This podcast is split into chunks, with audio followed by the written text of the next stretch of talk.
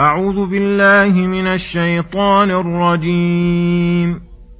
وقالوا كونوا هودا أو نصارى تهتدوا. قل بل ملة إبراهيم حنيفا. وما كان من المشركين. قولوا آمنا بالله وما أنزل إلينا وما أنزل إلى إبراهيم وما أنزل إلى إبراهيم وإسماعيل وإسحاق ويعقوب والأسباط والأسباط وما أوتي موسى وعيسى وما أوتي النبيون من ربهم ۖ لا نفرق بين أحد منهم ونحن له مسلمون. بسم الله الرحمن الرحيم. السلام عليكم ورحمة الله وبركاته. يقول الله سبحانه فقالوا كونوا هودا أو نصارى تهتدوا.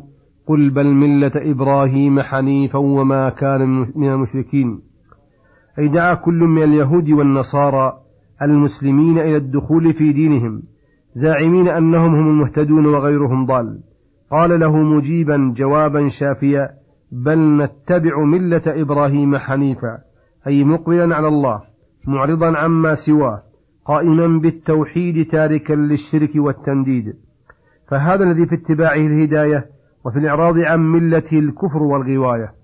ثم قال تعالى قولوا آمنا بالله وما أنزل إلينا وما أنزل إلى إبراهيم وإسماعيل وإسحاق ويعقوب والأسباط. الآية.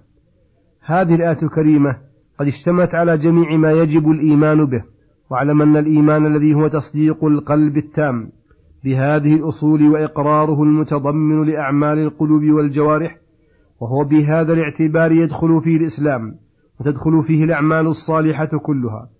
فهي من الإيمان وأثر من آثاره فحيث أطلق الإيمان دخل فيه ما ذكر وكذلك الإسلام إذا أطلق دخل فيه الإيمان فإذا قرن بينهما كان الإيمان اسما لما في القلب من الإقرار والتصديق والإسلام اسما للأعمال الظاهرة وكذلك إذا جمع بين الإيمان والأعمال الصالحة فقوله تعالى قولوا أي بألسنتكم متواطئة عليها قلوبكم وهذا هو القول التام المترتب عليه الثواب والجزاء.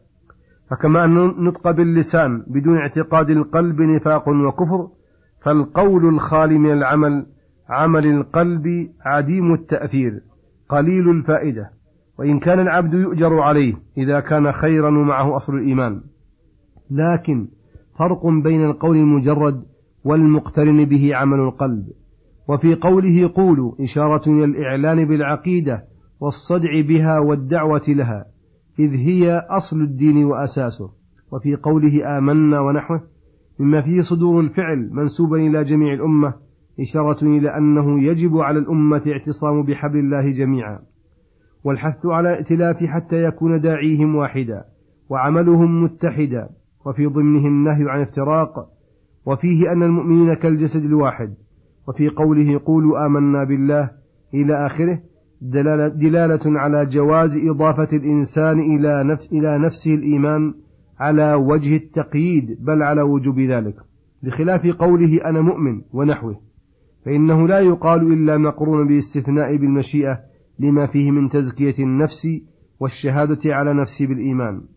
فقوله آمنا بالله أي بأنه واجب الوجود واحد أحد متصف بكل صفة كمال منزه عن منزه عن كل نقص وعيب مستحق لإفراده بالعبادة كلها وعدم الإشراك به في شيء منها بوجه من الوجوه وما أنزل إلينا يشمل القرآن والسنة لقوله تعالى وأنزل الله عليك الكتاب والحكمة.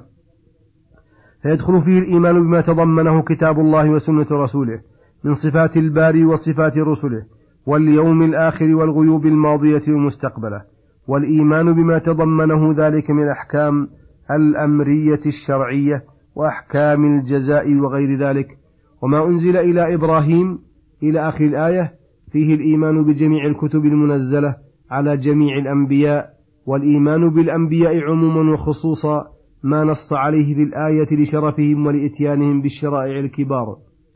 فالواجب في الإيمان بالأنبياء والكتب أن يؤمن بهم على وجه العموم والشمول ثم ما عرف منهم بالتفصيل وجب الإيمان به مفصلا وقوله لا نفرق بين أحد منهم أي بل نؤمن بهم كلهم هذه خاصية المسلمين التي انفردوا بها عن كل من يدعي أنه على دين فاليهود والنصارى والصابئون وغيرهم وإن زعموا أنهم يؤمنون بما, يؤمنون بما يؤمنون به من الرسل والكتب فإنهم يكفرون بغيره. فيفرقون بين الرسل والكتب بعضها يؤمنون به وبعضها يكفرون به وينقض تك وينقص وينقض تكذيبهم تصديقهم وينقض تكذيبهم تصديقهم. فإن الرسول الذي زعموا أنهم قد آمنوا به قد صدق سائر الرسل وخصوصا محمدا صلى الله عليه وسلم. فإذا كذبوا محمدا فقد كذبوا رسولهم فيما أخبرهم به فيكون كفرا برسولهم. وفي قوله وما أوتي النبيون من ربهم دلالة على أن عطية الدين هي العطية الحقيقية المتصلة بالسعادة الدنيوية والأخروية. لم يأمرنا أن نؤمن بما أوتي الأنبياء من الملك والمال ونحو ذلك بل أمرنا أن نؤمن بما أعطوا من الكتب والشرائع. وفيه أن الأنبياء مبلغون عن الله ووسائط بين الله وبين خلقه في تبليغ دينه ليس لهم من أمر شيء. وفي قوله من ربهم إشارة إلى أنه من كمال ربوبيته لعباده أن ينزل عليهم الكتب ويرسل إليهم الرسل فلا تقتضي ربوبيته تركهم السدى ولا هملا.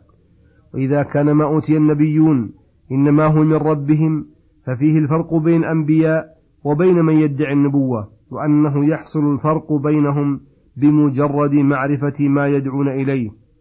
فالرسل لا يدعون إلا إلى الخير. ولا ينهون إلا عن كل شر وكل واحد منهم يصدق الآخر ويشهد له بالحق من غير تخالف ولا تناقض لكونه من عند ربهم ولو كان من عند غير الله لوجدوا فيه اختلافا كثيرا.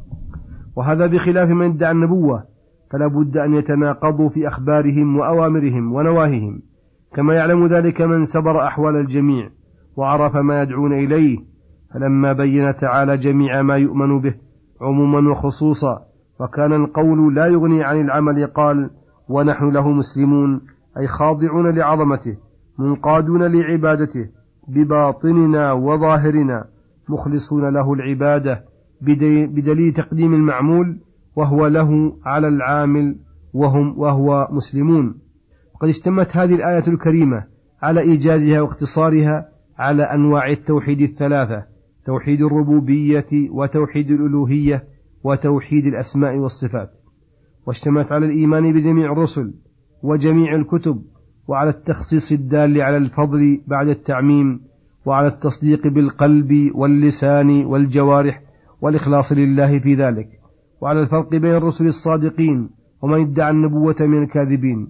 وعلى تعليم الباري عباده كيف يقولون ورحمته وإحسانه عليهم بالنعم الدينية المتصلة بسعادة الدنيا والآخرة. فسبحان من جعل كتابه تبيانا لكل شيء وهدى ورحمة لقوم يؤمنون. وصلى الله وسلم على نبينا محمد وعلى آله وصحبه أجمعين. إلى الحلقة القادمة غدا إن شاء الله. السلام عليكم ورحمة الله وبركاته.